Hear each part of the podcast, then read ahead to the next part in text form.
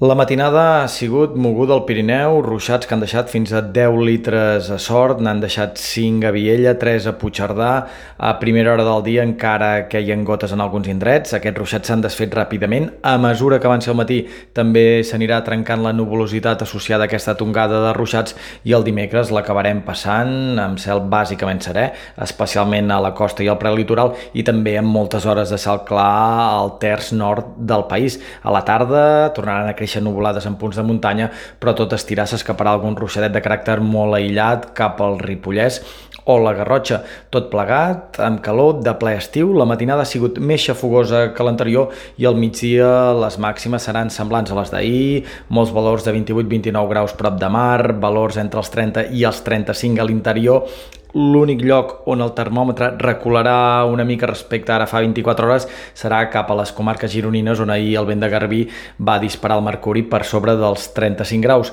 De cara als dos propers dies, tant dijous com divendres, ambient assolellat, temperatures que encara repuntaran un parell o tres de graus més, el canvi més significatiu en el temps arribarà de cara al cap de setmana, dissabte més núvols, ruixat sobretot durant la segona meitat del dia i una entrada de vent de nord que farà que dissabte ja respirem una una mica millor i que de cara a diumenge, dilluns i dimarts de la setmana vinent les temperatures siguin fins i tot baixes per l'època de l'any.